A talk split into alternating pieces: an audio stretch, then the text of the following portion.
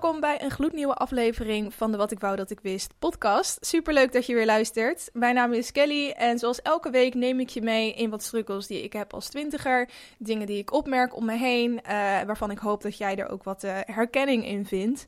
En deze week is het onderwerp introvert of extravert zijn. Ik had uh, vorige week een polletje op mijn Instagram, Wat ik wou dat ik wist podcast, geplaatst. En toen had ik eigenlijk twee onderwerpen die ik interessant vond om over te hebben.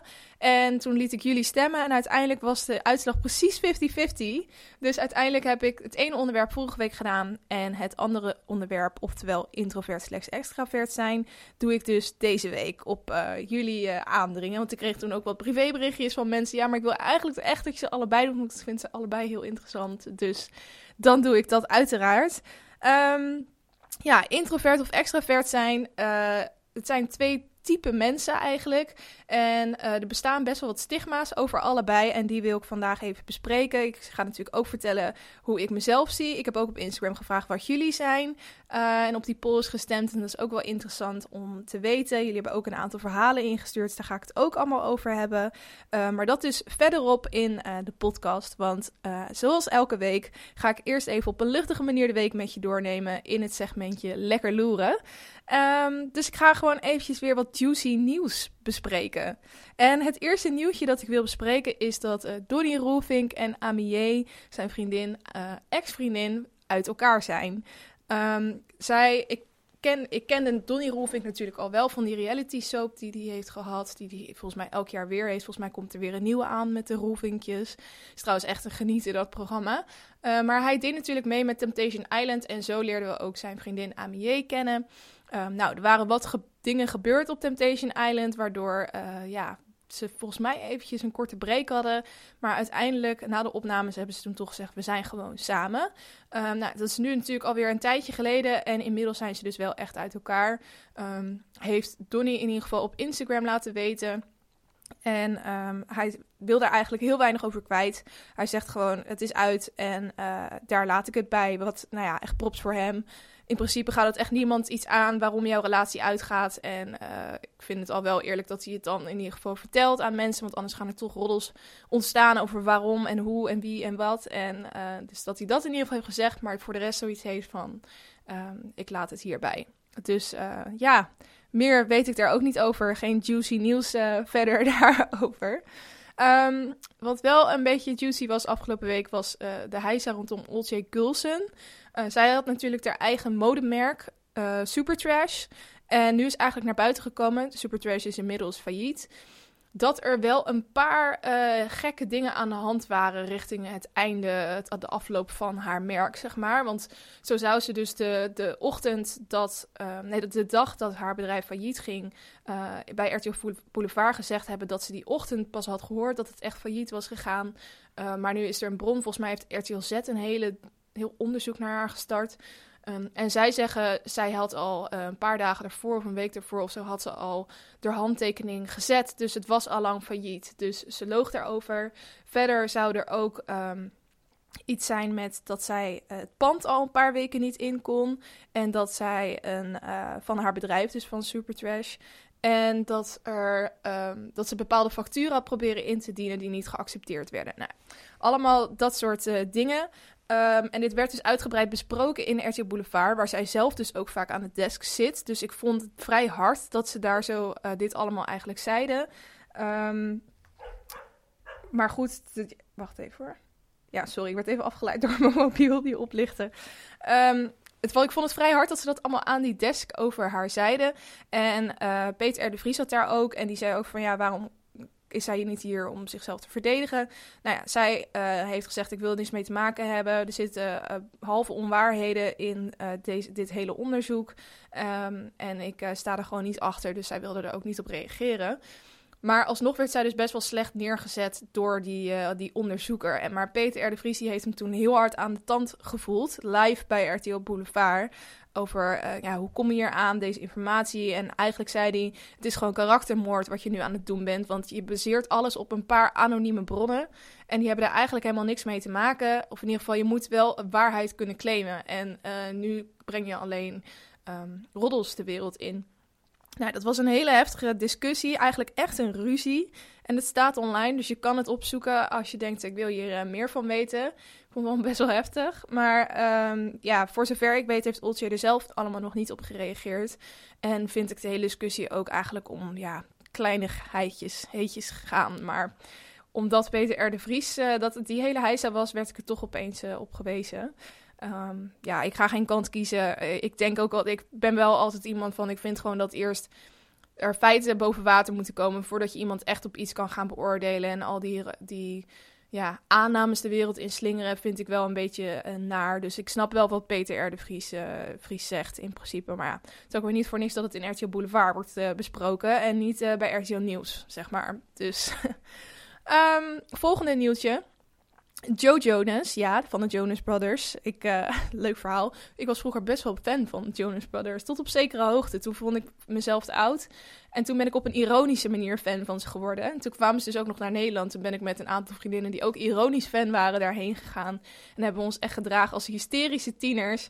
Uh, terwijl we onszelf uitlachten en eigenlijk ook een beetje de mensen om ons heen. Um, maar goed, Jonas Brothers zijn nu trouwens weer bij elkaar opeens. Uh, ze hebben jarenlang niks samen gedaan. En nu hebben ze opeens weer een track uitgebracht. Die best wel leuk is. Volgens mij heet die Sucker. Best wel oké track. Maar goed, het gaat dus over Joe Jonas. Uh, volgens mij de oudste. Ik weet niet zeker. Misschien is die Kevin wel de oudste. Een van de drie broers. Uh, en hij, dit wist ik niet eens, shame on me. Um, had, heeft een relatie met Sophie Turner, oftewel Sansa Stark van Game of Thrones. Um, en ze zijn al een tijdje verloofd. En inmiddels zijn ze dus ook getrouwd afgelopen week. Afgelopen week waren de Billboard Music Awards best wel een groot ding in Amerika. Waarbij natuurlijk allerlei artiesten grote prijzen in ontvangst nemen.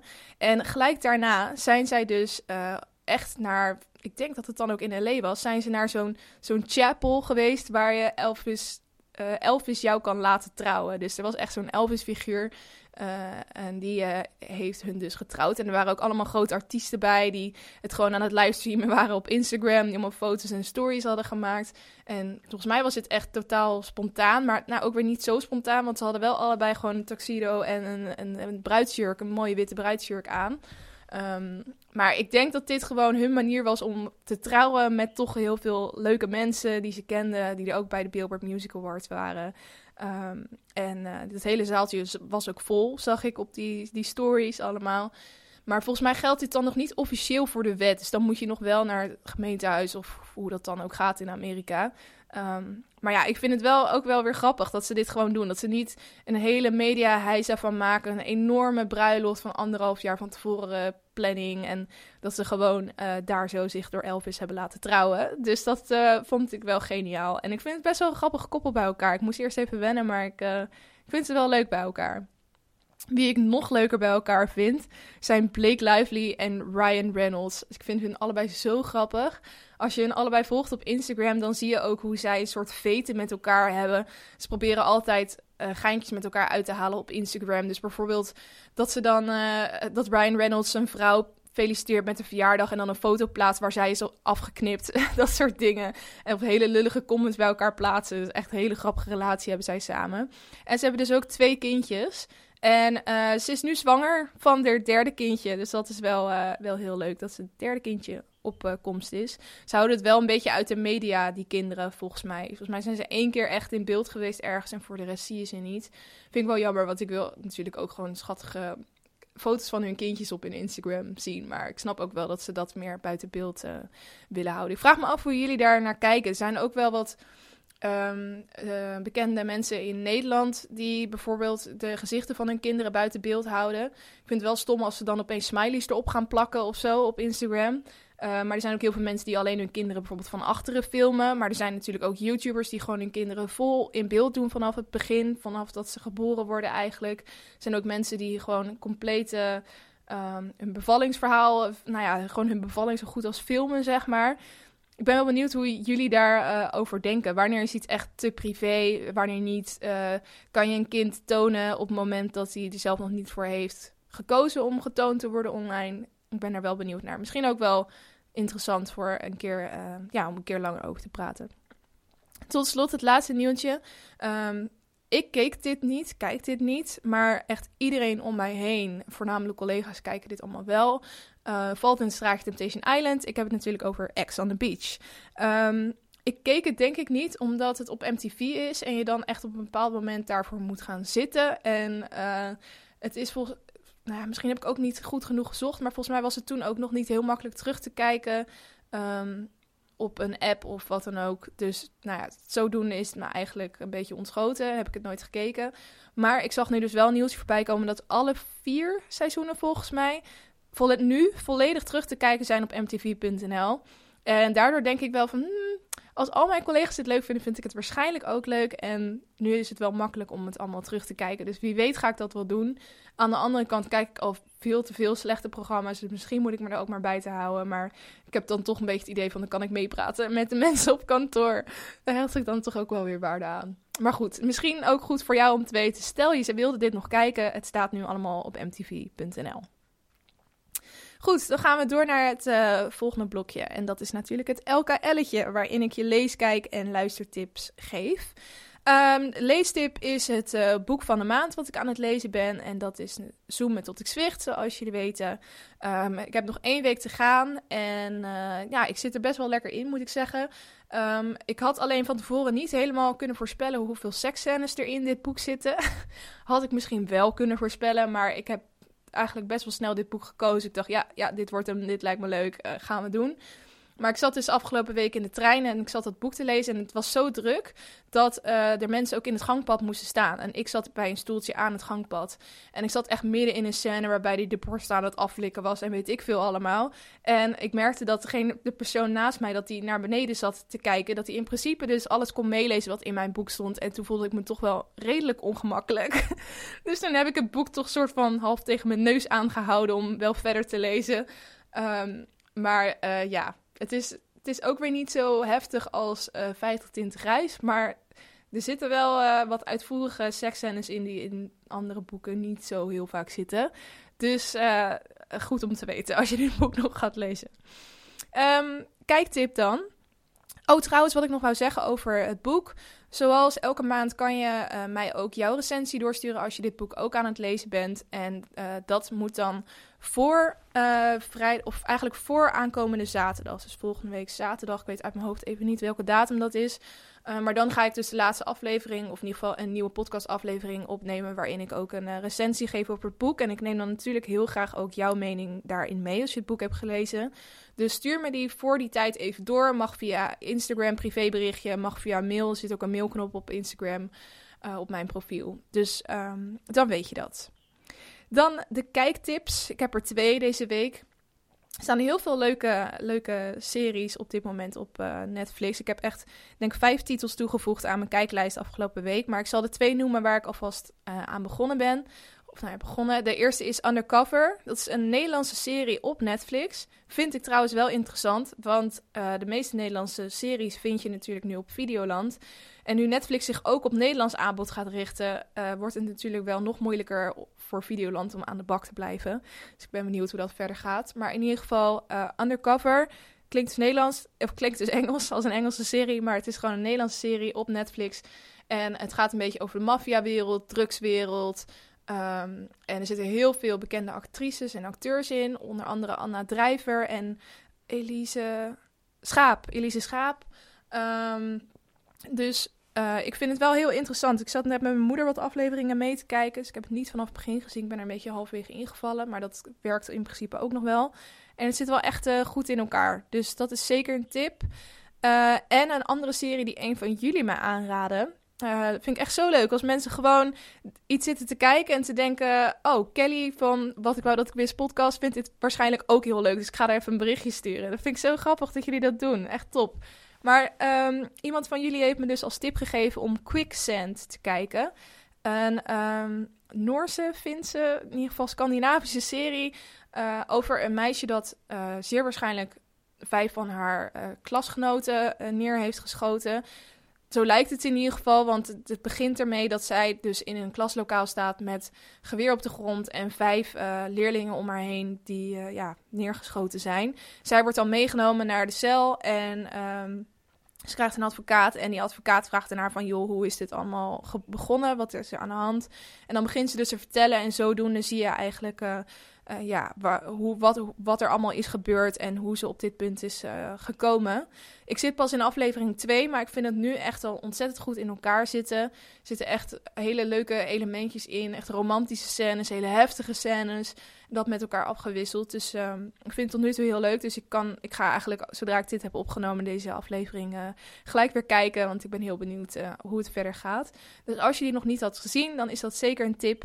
Uh, en bedankt aan uh, degene die mij deze dus heeft uh, doorgestuurd. Thanks. En tot slot een, luistertip. Ik wilde deze even tippen, omdat het, ik heb het al eerder gezegd, ik zou het heel leuk vinden als er meer Nederlandse meiden waren die een podcast zouden starten. En dit is toevallig iemand die ik via via ken. Um, en dat is iemand die ook een YouTube-kanaal heeft. Ze heet Bon Coller. En uh, zij heeft nu dus ook een eigen podcast gestart. Dus je kan ook, mm, volgens mij ook op haar YouTube-kanaal kijken. Ze zit ook beeld bij, maar je kan hem ook gewoon op alle podcastplatformen vinden. En het heet de Pyjama Party Podcast.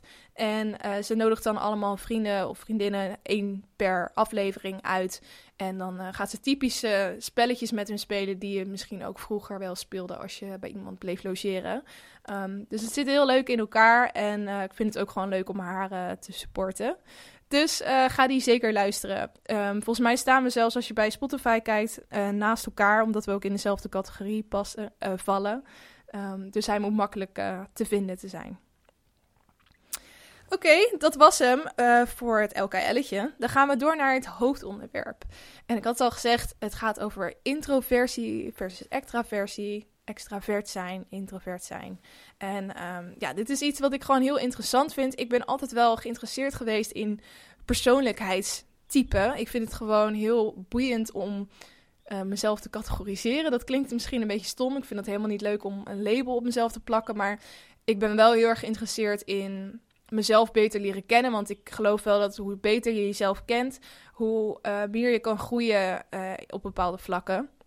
Dus vandaar dat ik dit soort dingen altijd uh, heel interessant vind. Um, en ik zag mezelf eigenlijk altijd als introvert en ik had een heel duidelijk beeld van wat een introverte iemand is en wat een extraverte iemand is. Um, ik dacht namelijk altijd dat als je introvert zou zijn, dat je dan verlegen bent. Um, dat je soms wat ongemakkelijk kan zijn in sociale situaties. En als je extravert bent, dat je gewoon altijd zin hebt om met mensen te kletsen. En um, dat je bang bent om alleen te zijn, et cetera. Nou ja, dus het, het, dat is op zekere, tot op zekere hoogte waar. Maar ik ga toch eventjes de definities van introvert en extravert uh, erbij pakken. Um, komt gewoon van uh, van uh, Wikipedia al voor. Maar de term introvert is dus oorspronkelijk uitgevonden door Sigmund Freud. Uh, toen hij het had over het libido. Nou, dat is een heel andere, andere zaak. um, ik heb vroeger filosofie gehad, dus ik, ik, ik zie nu weer helemaal zijn theorie vormen. Maar daar, dat gaat natuurlijk over iets heel anders. Anyway, hij heeft het eerst gebruikt. En daarna was Carl Jung, andere filosoof, die dus ook de term extravert ernaast zette. En hij heeft een soort hele persoonlijkheidstypologie. Um, nou, wat het nou dus inhoudt, um, ik zal het even voorlezen. Het zijn bewustzijnsinstellingen. En een introvert mens ervaart de wereld door het filter van zijn innerlijke beleving en stemt hier vervolgens zijn handelen op af. Bij een introverte instelling is de energie naar binnen gericht op de eigen gedachten en gevoelens. Introverte mensen halen energie uit zichzelf door zich te richten op de innerlijke beleving en overweging. Door reflectie op ideeën die ze hebben of aangereikt krijgen te doordenken, krijgen ze innerlijke energie. Introverte mensen verwerken de informatie intern en pas wanneer ze hun gedachten intern geordend hebben, laten ze van zich spreken. Introverte mensen verwerken precies en gefocuste informatie, wat zich uit in meer beschrijvende en concrete taal. Een introvert persoon denkt goed na voor hij of zij iets zegt. En dit past ook bij het langzamer spreken, het vaker pauze laten vallen en het preciezer formuleren en objectieve en accurate beschrijvingen. Introvertere mensen gebruiken minder adjectieven, zoals hij is emotioneel, en meer beschrijvende actiewerkwoorden en de waarneming, bijvoorbeeld hij helpt. Introverte mensen zijn rustige types, wel overwogen, beschouwelijk en voelen zich in onbekend gezelschap niet gauw thuis. Ze zijn liever alleen dan in een groep. Nou, hele beschrijving, uh, dat hele gedoe over um, dat je accuraat en objectieve beschrijving hebt, dat, dat wist ik niet eens. Dat lees ik nu voor het eerst. Ik weet niet of dat zo is trouwens, uh, maar wel interessant. Um, Oké. Laten we dan ook even naar de definitie van een extravert mens gaan. Voor een extravert mens is de buitenwereld de maatstaf voor wat hij ervaart, besluit en doet. Bij een extraverte instelling is de energie naar buiten gericht, op mensen, activiteiten en dingen. Extraverte mensen krijgen door hun oriëntatie op de buitenwereld energie uit interactie met anderen. Extraverte mensen praten over wat ze bezighoudt en door te praten ordenen, ze hun gedachten.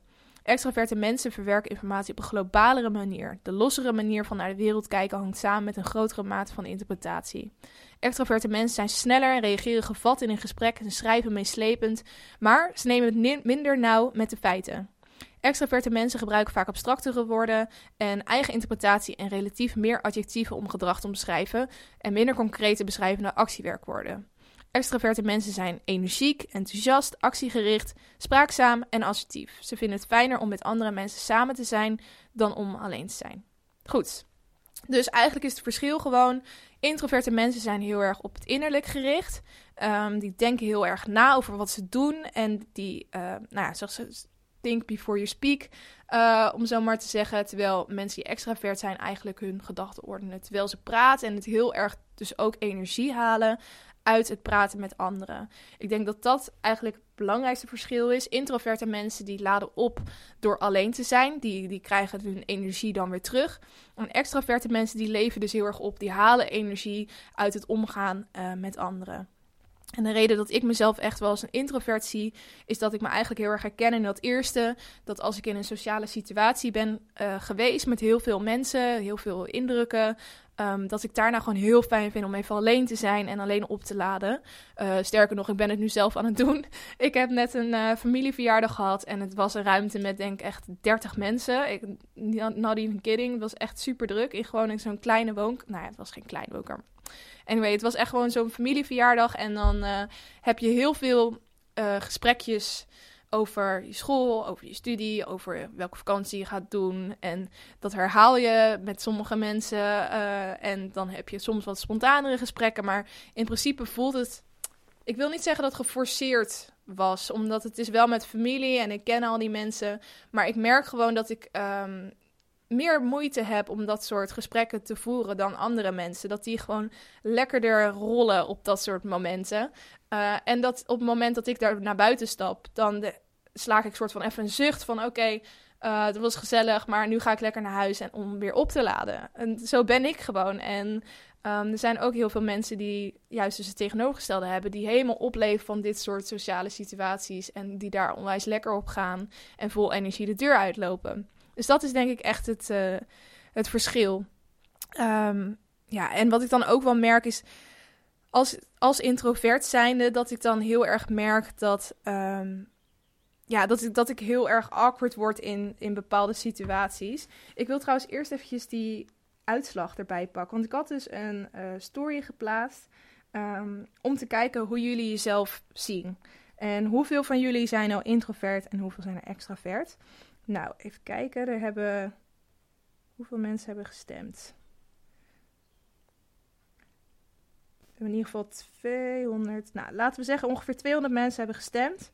En 68% ziet zichzelf als introvert en 32% als extravert. Dus de meerderheid ziet zichzelf wel echt als introvert. Dus ik hoop ook dat uh, nou, de verhalen die ik toespreken vanuit een introvert standpunt dan voor de meeste van jullie uh, herkenbaar zijn. Maar wat ik dus heel erg merk in sociale situaties, dat is dat ik heel veel nadenk. Wat het, wat het net eigenlijk al werd gezegd in die beschrijving, um, in die definitie, is dat ik uh, um, heel erg bezig ben met hoe mensen mij zien, hoe ik mijn woorden formuleer. Um, wat ik moet doen uh, als ik iemand begroet. Ik heb het daar wel eens over met mijn vriend. Dat ik dan voordat ik ergens naartoe ga, naar een, een verjaardag of waar ik mensen uh, wel goed ken of wat minder goed ken, dat ik dan van tevoren al aan het nadenken ben over de manier van begroeting. Ik vind echt begroetingen op verjaardagen het ergste wat er is, omdat het, het gaat gewoon te vaak fout. Het is echt verschrikkelijk. Um, ik heb bijvoorbeeld uh, uh, wel eens gehad. Nou, dat, dit is een verhaal wat ik hierover wilde vertellen. Ik had denk twee weken geleden, na misschien al wat langer geleden, had ik een verjaardag van een collega van mij. En ik stond daar dus te kletsen uh, met iemand die ik net had ontmoet via via. Dus ik stond daar met diegene te praten.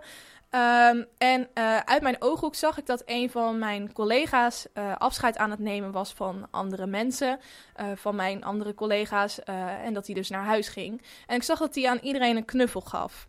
Dus ik registreer dan, terwijl ik met die andere persoon aan het praten ben. En ik zie dat hij vanuit mijn ooghoek steeds dichter naar ons toe komt. En um, hij komt dus afscheid nemen. Uh, en ik ga ervan uit dat deze persoon mij een knuffel wil geven. Dus ik steek soort van mijn rechterhand al naar hem uit om hem over zijn schouder heen te slaan. En op dat moment steekt hij eigenlijk gewoon twee vingers in de lucht. Zo van peace, yo, ik ben weg. En hij loopt door. Dus op dat moment sta ik met mijn rechterhand nog in de lucht om hem een knuffel te geven. En hij is al weggelopen.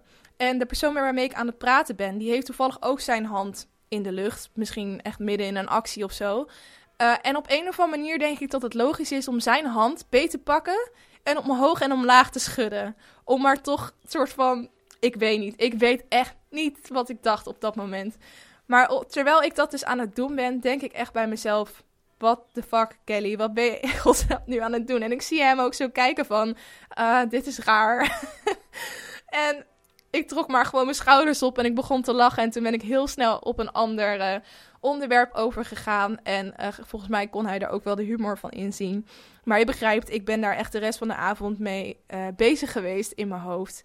En ook nu net weer dat ik wegging van die verjaardag. En er waren zoveel mensen dat ik dacht, ik ga niet gewoon nu iedereen gedag zeggen. Dat is gewoon niet te doen. En ik denk, ik zwaai gewoon naar iedereen. Maar blijkbaar is er dan een ongeschreven regel dat je bepaalde mensen toch wel een handje had moeten schudden. En ik merkte dat zij soort van raar naar me keken van, oh, had ik jou niet nu een hand moeten schudden? Terwijl ik al soort van wegliep en...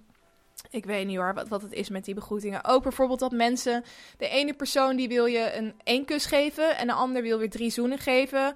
Um, en de ander doet zeg maar een kus en een knuffel erachteraan. En Sommigen geven alleen een hand, terwijl jij dan al naar ze toe bent gegaan met je mond om drie zoenen te geven. Ik vind het echt verschrikkelijk. Daar moet toch echt iets op gevonden worden, jongens.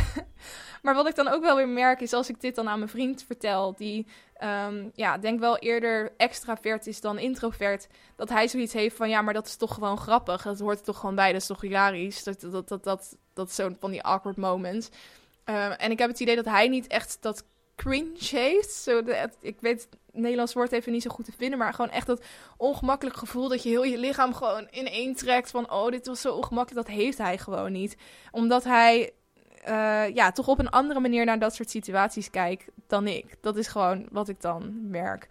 Um, en wat het lekkere wel is, dat op het moment dat ik echt eventjes uh, goed in het glaasje heb gekeken, dat ik aan het feesten ben ergens en ik heb een paar drankjes op, dan is dat hele uh, nadenken voordat je praat en heel erg nadenken over wat je doet. Bewust zijn van met wie je bent en wat voor verwachtingspatronen daarbij horen. Dat is eigenlijk helemaal verdwenen op het moment dat ik drank op heb. En dan ben ik opeens echt de, de extravertste persoon die je ongeveer ooit hebt gezien. Want ik lul dan echt met iedereen. Um, en ik, ik kan me voorstellen dat dat voor mensen opeens heel raar is. Dat ik dan zo uh, anders ben als ik, uh, ik dronken ben. Ik wil niet zeggen dat ik zo'n introvert persoon ben. Dat ik echt... Uh, het liefst gewoon stil in een hoekje zit op een verjaardag. Absoluut niet. Ik vind het heel leuk om met mensen te praten, maar ik denk gewoon te veel na. Dat is denk ik het probleem. Um, en dat, het is wel zo dat introvert, je bent niet introvert of extravert. Dat bestaat gewoon niet. Um, er zijn natuurlijk ook mensen, dat is ook, ik kreeg net ook een privéberichtje van iemand die uh, dus wilde gaan stemmen op de poll en die mij toen had gestuurd van ik ben het gewoon allebei. Ik ben gewoon allebei, uh, zowel introvert als, uh, als uh, sorry, als extravert. En het is ook een spectrum. Dus je hebt gewoon, je moet eigenlijk een lijn voor je zien. En aan de linkerkant staat introvert en de rechterkant staat extravert. En je kan natuurlijk ook gewoon in het midden zitten. Ik zal even dat privéberichtje erbij pakken. Een Lisa. Uh, die dus had gezegd dat zij een ambivert was. En zij zegt: Ik heb momenten nodig om op te laden. Het liefst ben ik dan alleen of samen met mijn vriend. En ik geniet dan gewoon intens om geen mensen te zien. Aan de andere kant ben ik enorm aanwezig bij groepen en hou ik echt van onder mensen zijn. Daar krijg ik ook weer energie van. Dus het is heel goed aanvoelen waar ik behoefte aan heb. Krijg ik nu energie van gezellig borrelen met vrienden? Of krijg ik nu energie van lekker alleen zijn? En dat kan natuurlijk ook. Dat je gewoon op verschillende momenten behoefte heb aan uh, verschillende dingen. Dus misschien is dat voor sommigen van jullie ook wel herkenbaar. Ik wil ook even een ander berichtje voorlezen dat ik um, van Nicole had gehad. Um, zij had dus gelezen dat ik uh, over dit onderwerp een podcast ga opnemen. En uh, ze zei: Dit leeft zo erg bij mij, dus ik wil je toch even een berichtje sturen. Want ik heb net een weekje een nieuwe baan als marketingcoördinator op kantoor bij een grote parfumerie. Yes, een van de twee merken die nu in je opkomen. En daar werken heel veel vrouwen, zoals je ook kunt verwachten. Ik merk dat dit even wennen is. Um, even kijken hoor ik merk dat dit even wennen is, maar merk daarnaast ook dat deze meiden super spontaan en enthousiast zijn. Dan ben ik zelf eigenlijk ook vrij extravert en spontaan, maar als ik pauze houd met mij die zo druk zijn, merk dat ik helemaal terugklap en dan in zo'n pauze vrij weinig zeg. Wat ik niet van mezelf gewend ben. Ik weet niet of je hier ook op ingaat in je podcast, dus dat je in sommige situaties opeens introvert wordt, lijkt mij in ieder geval heel interessant. Mocht je nog tips voor me hebben, dan hoor ik ze natuurlijk ook graag. Ik kijk weer uit naar je podcast. Dus um, nou, zij zegt het eigenlijk ook al. Het is natuurlijk ook heel erg afhankelijk van de situatie. Ze zijn ook gewoon situaties um, waar je wat meer bij op je gemak voelt. Misschien in dit geval, dit meisje, uh, Nicole, is zij heel erg op het gemak als ze echt aan het werk is en druk bezig is met klanten en dat ze daar heel veel energie uit haalt. Maar dat het op, een gegeven moment, als je dan pauze hebt, dat je dan ook weer gewoon eventjes je rustmomentje uh, moet pakken. Um, of dat ja, ik denk dat dat voor iedereen gewoon persoonlijk afhankelijk is. Je, zoals ik net al zei, je bent niet één uh, van de twee. En ik vind ook niet dat mensen dat van je moeten verwachten. Of dat je ze heel erg in een hokje moet duwen. Um, dus eigenlijk ben je ook niet één van de twee, maar zit je meer op een uh, spectrum. Um, ik zei het net al, dat, dat introvert-term en extrovert-term, die komt dus van Jung.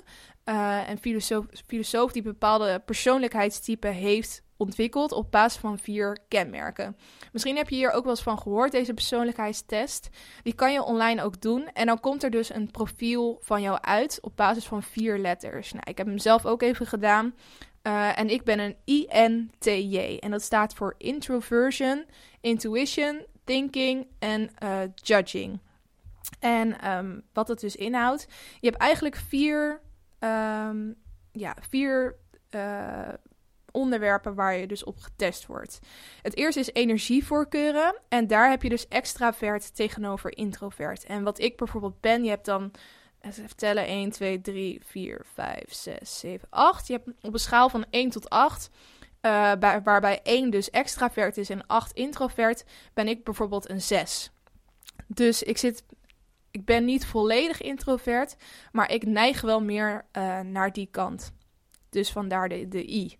Um, dan heb je aandachtvoorkeuren. En daar heb je aan de uh, linkerkant, dus bij de 0 of bij de 1, heb je sensing staan. En dat houdt eigenlijk dus in um, dat je bij voorkeur aandacht aan, besteedt aan informatie die rechtstreeks bij je zintuigen binnenkomt. En aan de andere kant staat intuition. Uh, en daarbij besteed je dus eigenlijk bij voorkeur aandacht aan informatie die je krijgt vanuit je, je intuïtie. En op basis daarvan, dus uh, waarbij 1 dus voelen is en 8 intuïtie, uh, zit ik op, ook op een 6 eigenlijk. Dus opnieuw meer richting intuïtiekant dan echt ehm, de, de sensing kant. maar opnieuw, dit is dus ook een spectrum. Nou, dan heb je het derde onderwerp. En dat is beslissingsvoorkeuren. En de belangrijkste beslissingsvoorkeuren zijn dus thinking en feeling. Dus hou je van thinking, dan neem je hele logische beslissing op basis van gestructureerde informatie. En hou je meer van feeling, dan neem je het liefst persoonlijke beslissing op basis van een afweging van principes. Um, en daar zo zit ik, waarbij, uh, op een schaal waarbij dan 1 thinking is en 8 feeling, zit ik op schaal 4. Dus eigenlijk een beetje in het midden, maar dan wel meer richting de thinking kant. En ik merk dat ook wel um, hoort natuurlijk ook bij introvert zijn dat je best wel veel nadenkt eh, over dingen. En dat je op die manier ook beslissingen neemt. Um, ik ben ook een blauw profiel bijvoorbeeld, daar kom ik zo op. Uh, maar op wat, wat, werk betreft ben ik ook iemand die heel erg afgaat op details en op feiten. En dat dat mijn eigenlijk fijnste manier van werken is. Um, dan tot slot, de vierde, uh, vierde onderwerp is dan levensvoorkeuren. Dus dan heb je judging en perceiving. En dat zijn dus twee voorkeuren die aangeven hoe je leven wilt leiden. En judging is dus de voorkeur voor een gepland en georganiseerd leven. En perceiving is de voorkeur voor een spontaan en flexibel leven. En daar zit ik wel heel duidelijk bij de judging kant. Um, want op een schaal van 1 tot 8, waarbij judging 1 is en perceiving 8, zit ik op een 2. Dus echt wel heel erg uh, richting judging. Ik vind het woord niet zo fijn, judging, want dat, dat uh, houdt voor mij in, of zo zie ik dan dat voor me, dat ik dan mensen gelijk beoordeel op het eerste moment dat ik ze ontmoet. En dat is echt alles behalve de waarheid. Ehm, maar wat, waar ik me wel in herken, is dat ik heel graag dingen plan van tevoren en georganiseerd ben. Mijn kamer is altijd netjes opgeruimd, daar ga ik gewoon het lekkerst op. Ik uh, ga ook heel lekker op uh, to-do-lijstjes en die afstrepen. Dus op die manier herken ik mezelf hier wel heel erg in. Nou, dan komt er dus een profiel uit. En in mijn geval is dat dus INTJ. Dus Introversion, Intuition, Thinking en Judging. En er staat er nog een uh, soort uitlegje. Het wil zeggen dat je individualistisch ingesteld bent. Van alle 16 types, want je hebt dus vier letters, dus er kunnen in totaal 16 types uitkomen, ben je de meest onafhankelijke. onafhankelijke. Je bent altijd op zoek naar nieuwe invalshoeken, je hebt een scherp verstand en bent vlug van begrip. Je hebt veel vertrouwen in jezelf en trekt je niet te veel aan van anderen. Je komt het meest tot je recht in activiteiten en beroepen waarin je rustig je ideeën kunt ontwikkelen. Beroepen die bij je passen zijn bijvoorbeeld advocaat, psycholoog en onderzoeker. Je leert het makkelijkste als je je eigen aanpak kunt kiezen en er hoge eisen aan je worden gesteld. Valkuilen, je kunt de realiteit van je plannen uit het oog verliezen of je verliezen in details. Ja, ik herken mezelf hier best wel in. Dus ik vind dit gewoon altijd heel interessant, want het doet je best wel... Je leert jezelf gewoon wat meer kennen. Als je dit testje ook wilt doen, hij staat op 123test.nl. En dan heet hij de Jung, J-U-N-G, persoonlijkheidstest. Um, dus dat uh, zou ik je zeker aanraden. Dat is wel interessant. Um, nou ik zei het net al, het past ook een beetje bij mijn diskprofiel op werk. Ik weet niet uh, of jullie daar ook mee werken. Volgens mij is dat tegenwoordig echt helemaal een ding om uh, dit soort persoonlijkheidstesten te doen. Om gewoon te kijken wat voor mensen er op jouw afdeling werken, in jouw team werken. En om uh, te zien in hoeverre die goed bij elkaar passen. Nou, ik heb dus ook zo'n test moeten doen en dan moet je echt iets van 50 of 60 vragen beantwoorden.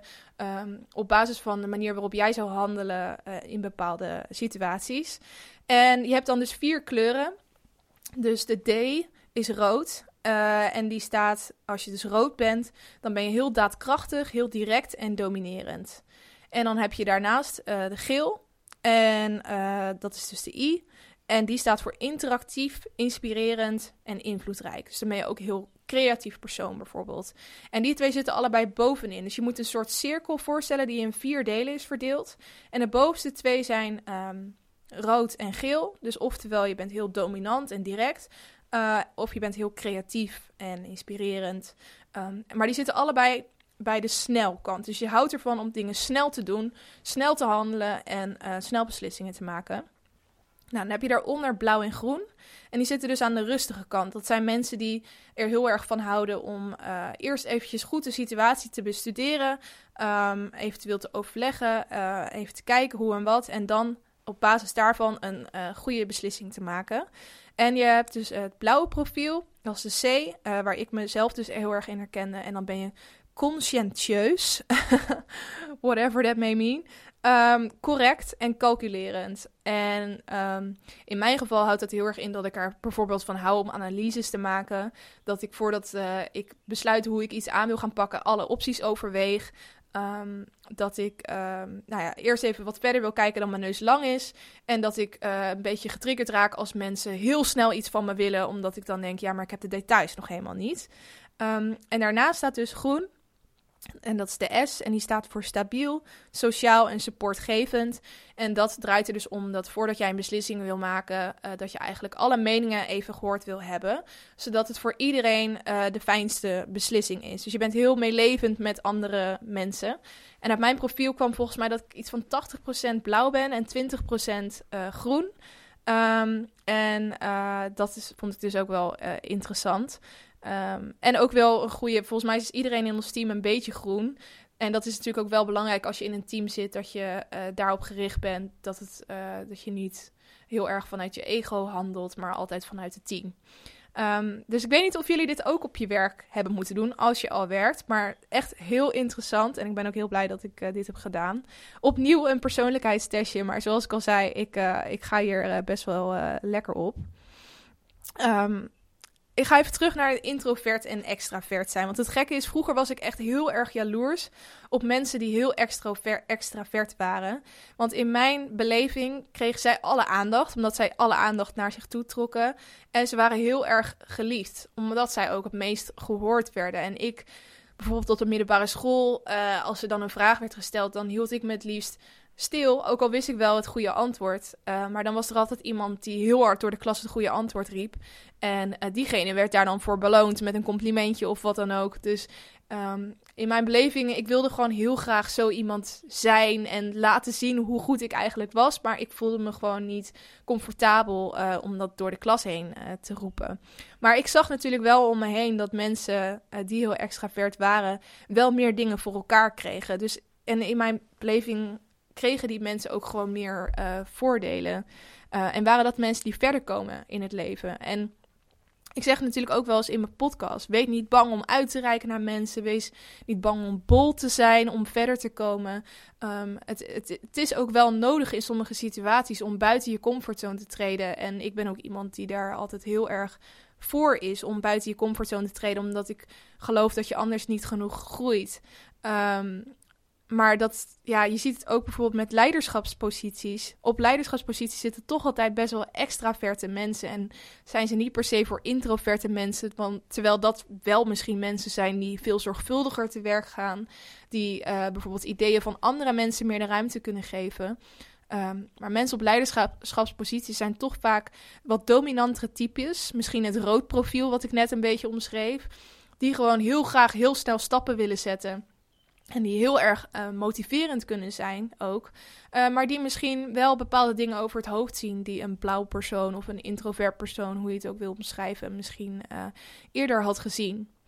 Um, maar wat het ook een beetje een misvatting is, is dat introverte mensen niks te zeggen hebben. Dat het gewoon maar verlegen types zijn. Want zoals ik net al zei, ik merkte zelf ook heel erg dat ik ik had best wel veel te zeggen, maar ik voelde me gewoon niet comfortabel om het te doen. Ehm, introverte mensen willen alsnog heel graag dingen delen. Ze hebben ideeën die ze willen uitdragen.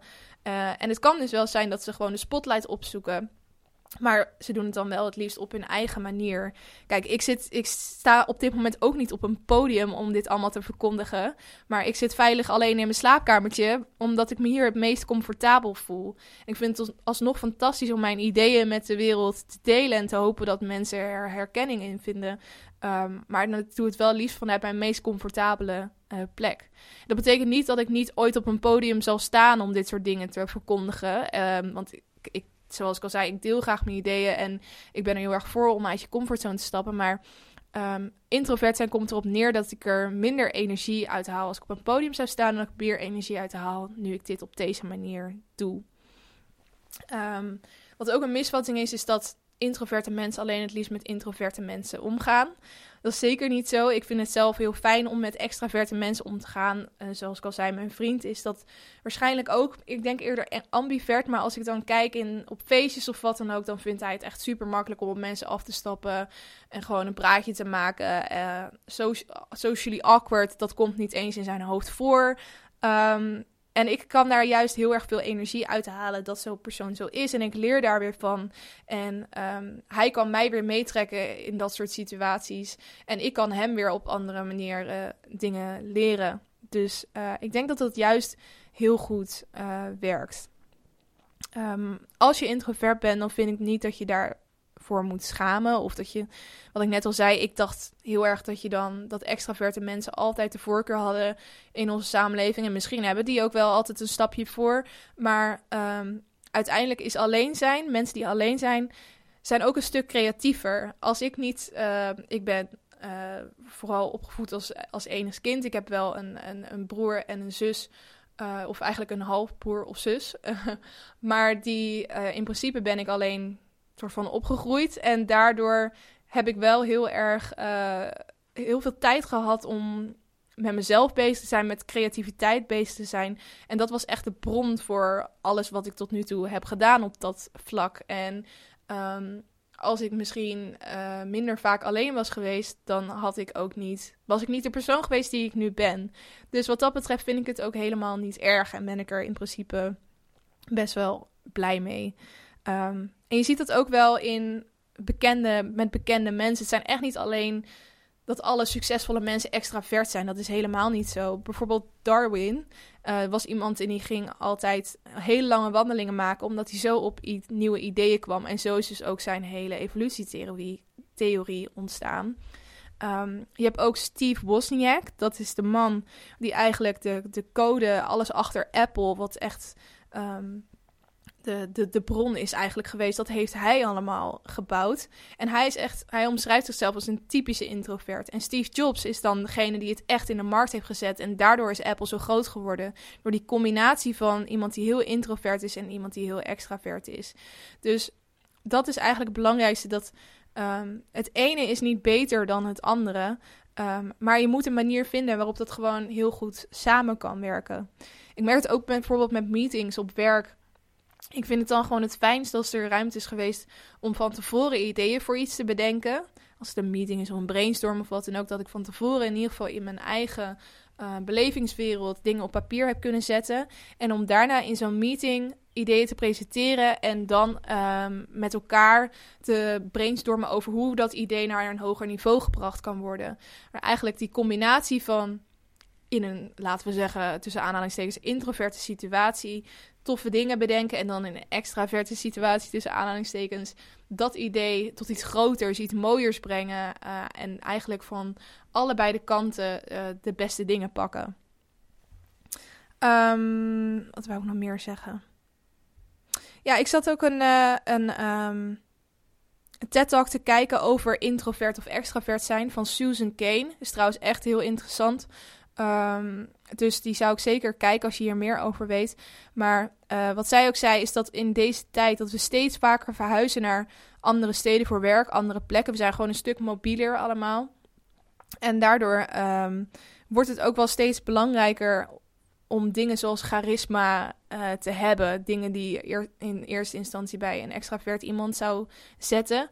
Um, dat dat gewoon steeds meer ja, van nu wordt eigenlijk dat van je verwacht wordt dat je die kwaliteiten in je hebt. Um, en kijk ook maar naar de influencercultuur. Ik heb nog nooit, denk ik, een influencer gezien waarbij ik dacht: jij bent vast een heel introvert persoon. Um, en dat zijn toch wel de influencers waar we het nu allemaal over hebben, uh, waar heel veel jonge meiden naar opkijken. Um, en misschien van denken van, maar, maar ik ben niet zo, ik kan nooit zo iemand worden, of ik kan nooit zo groot, mooi, leuk, mooi, leuk, fantastisch, succesvol worden als die persoon. Um, dus het, het zit nog wel heel diep in onze samenleving dat extraversie de voorkeur lijkt te hebben. Terwijl wat ik net zei, eigenlijk gaat het erom dat, die twee het beste samenwerken. Um, en die Susan Kane zei bijvoorbeeld ook dat je dat terugziet in hulpboeken. Vroeger waren die echt heel erg gericht op het beste karakter vinden, um, mooiste mensen worden. En nu gaan zelf hulpboeken over uh, zelfverzekerdheid, hoe je vrienden kan maken, hoe je mensen kan beïnvloeden.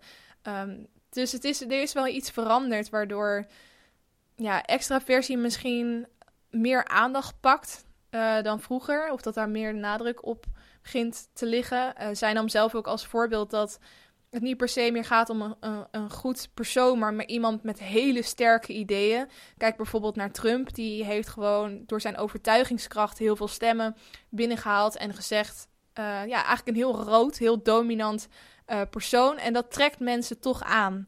Terwijl hij niet per se een goed mens is met een fantastisch karakter. Um, maar op sommige vlakken in de wereld is dat een beetje op de achtergrond geraakt. En dat is natuurlijk wel uh, zonde.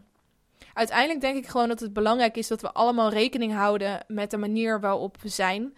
Um, dat je in verschillende situaties ook verschillende um, ja, persoonlijkheden hebt. En dat je daar rekening mee moet houden dat eigenlijk in elke soort persoon, of dat nou een persoonlijkheidstype is à la Jung, of of je een blauwe, rood, geel of groen persoon bent, of dat je introvert of extravert bent, hoe je ook wil indelen, dat eigenlijk in elk soort persoon er een bepaalde kracht zit.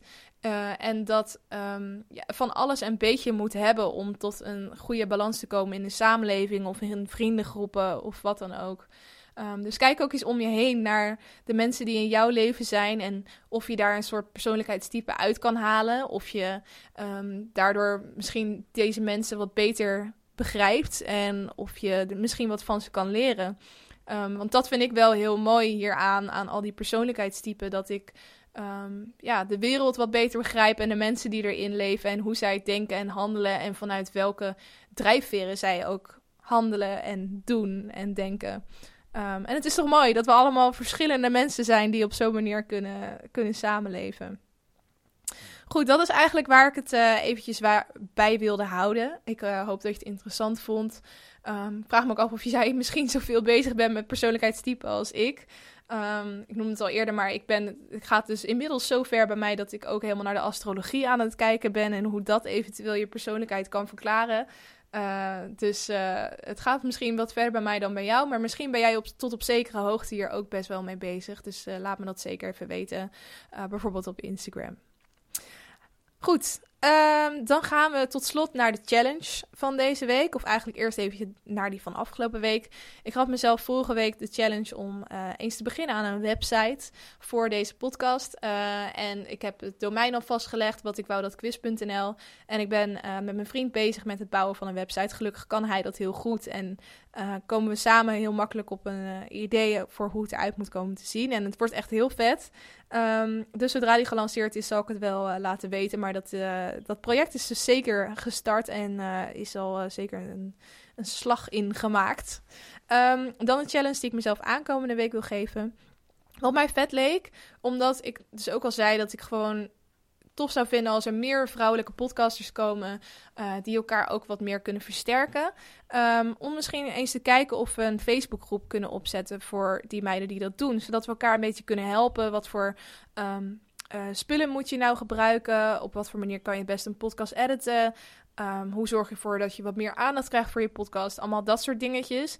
Ik denk dat het juist heel mooi is om een plek te hebben waar we elkaar een beetje kunnen uh, versterken. Dus als jij zelf een uh, podcaster bent of iemand kent waarvan je denkt: Nou, dit is echt tof als zij erbij komt. Ik wil het wel echt richten op vrouwelijke podcasters, het liefst. Dus zeker als je die kent, laat dat me even weten. Um, en dan ga ik kijken of er wat animo hiervoor is. En of dat een leuk idee zou zijn. Dus wie weet, we'll see. Dus dat wordt mijn challenge aankomende week. Uh, zoals altijd daag ik jou ook uit om eens iets te bedenken um, wat je aankomende week gaat doen. Het is altijd tof om aan iets te werken en aan het eind van de week te denken van ja, heb ik toch wel weer mooi gefixt. Um, dus doe dat zeker. En dan wil ik bij deze ook uh, de podcast uh, gaan afsluiten. Dus super leuk dat je weer luisterde. Ik hoop dat je het zoals altijd weer interessant vond. Dat je er wat uit herkenning uit kon halen. Um, en hopelijk tot volgende week. Doei doei!